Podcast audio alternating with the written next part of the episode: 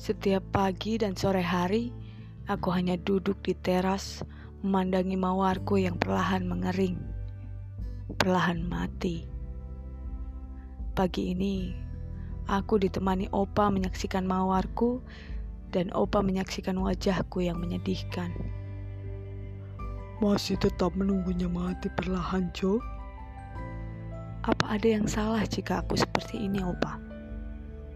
Opa ndak salahkan kamu, Cuk. Jika menurutmu itu benar, lakukan, Cuk. Aku hanya ingin ingin membersihkan nama baik mawarmu. Bukan begitu maksudku, Opa. Kamu bisa menanamnya kembali dan memotong durinya agar kamu tidak terluka, Cuk. Dengan begitu, kamu tetap bisa bersama mawarmu, Tojo. Jika aku memotong durinya, aku akan mengurangi keindahannya, Opa. Aku tidak mau itu terjadi.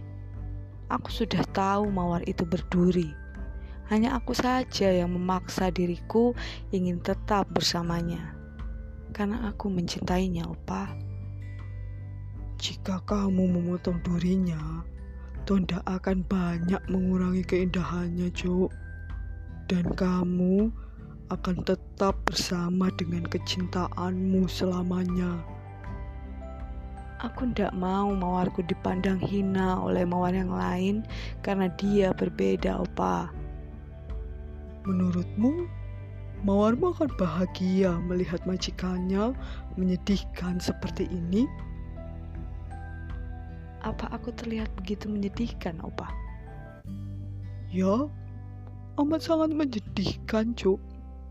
Bahkan mungkin jika gembel di pinggir jalan melihatmu seperti ini, dia akan berkata kalau kamulah yang lebih menyedihkan di dunia ini.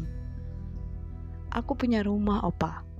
Walaupun hartaku tidak terlalu banyak, aku bisa membeli apa yang tidak bisa gembel beli. Apa kamu bisa membeli kecintaanmu sendiri, Cok? Aku diam. Kenapa diam, Cok? Kamu bisa membeli kecintaanmu dengan hartamu? Aku mulai menangis. Ya, Opa benar.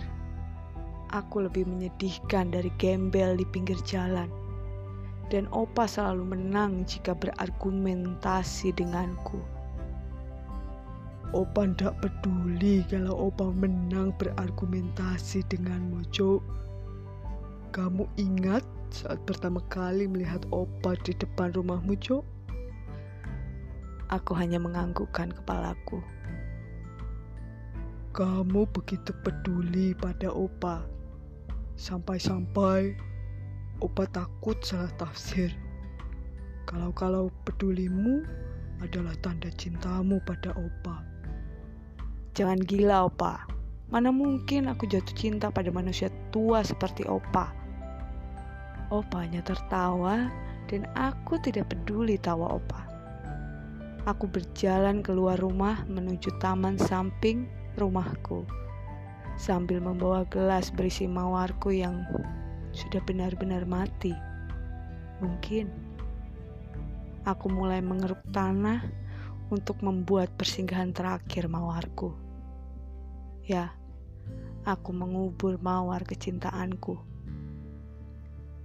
Untuk apa kamu mengubur mawar itu, Cok? Seakan mawar itu manusia yang punya hati. Opa berdiri tepat di belakangku. Opa selalu banyak tanya. Memang ada yang salah kalau aku mengubur mawarku dan memperlakukannya seperti manusia yang punya hati? Aku mulai meletakkan mawarku pada kubur yang sudah aku buat. Sudah berapa lama kamu merawat mawar-mawarmu, Cok? Belum setahun, Opa. Aku baru merasakan panennya sekali. Karena mawar ini panen setiap lima bulan sekali. Aku mulai menutup kubur mawarku. Belum setahun, sementara mawar bisa bertahan sampai lima tahun. Kamu memang bukan orang yang berjuang, Cok. teruslah memojokkanku, Opa. Mungkin Opa akan mati dengan tenang jika terus membuatku terpojok. Kalau Opa mati, Opa harap kamulah yang akan mengubur Opa nanti. Opa bukan siapa-siapa dalam hidupku. Kita tidak ada ikatan saudara. Darah Opa tidak mengalir dalam tubuhku. Darahmu juga tidak ada dalam tubuh mawarmu yang kau buat mati itu, Cok. Kalau itu berbeda, Opa. Aku men mencintai mawarmu. Mencintai mawarmu yang kamu buat mati di tanganmu sendiri, Cok.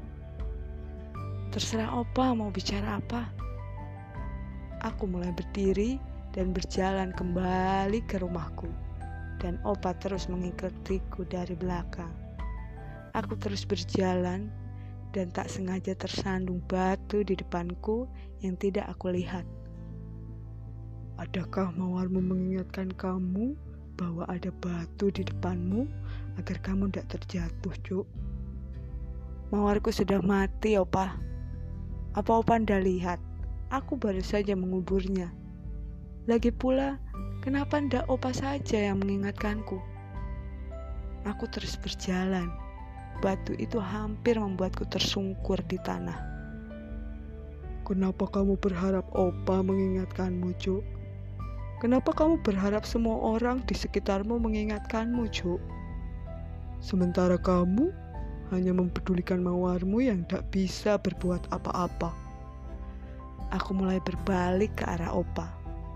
Opa, mawarku bukan manusia. Aku hanya mencintainya dan tidak berharap banyak padanya. Tapi kamu memperlakukannya seperti manusia, Cok. Dan aku berjalan lagi. Tepat di depan pintu rumahku, aku berbalik ke arah Opa yang ada di belakangku.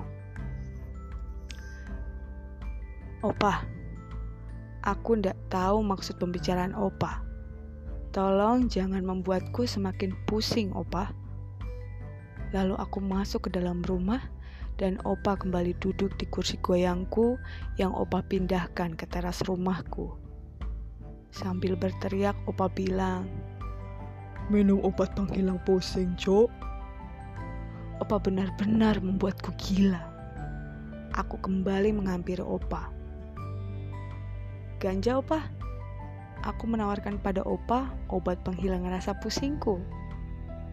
Opa ndak lagi pusing, Cok. Hisaplah sendiri. Dan aku membakar ganja obat penghilang rasa pusingku. Opa hanya melihatku sambil menikmati kopi yang sudah dingin. Pagi tadi, aku membuatkan segelas kopi panas untuk Opa.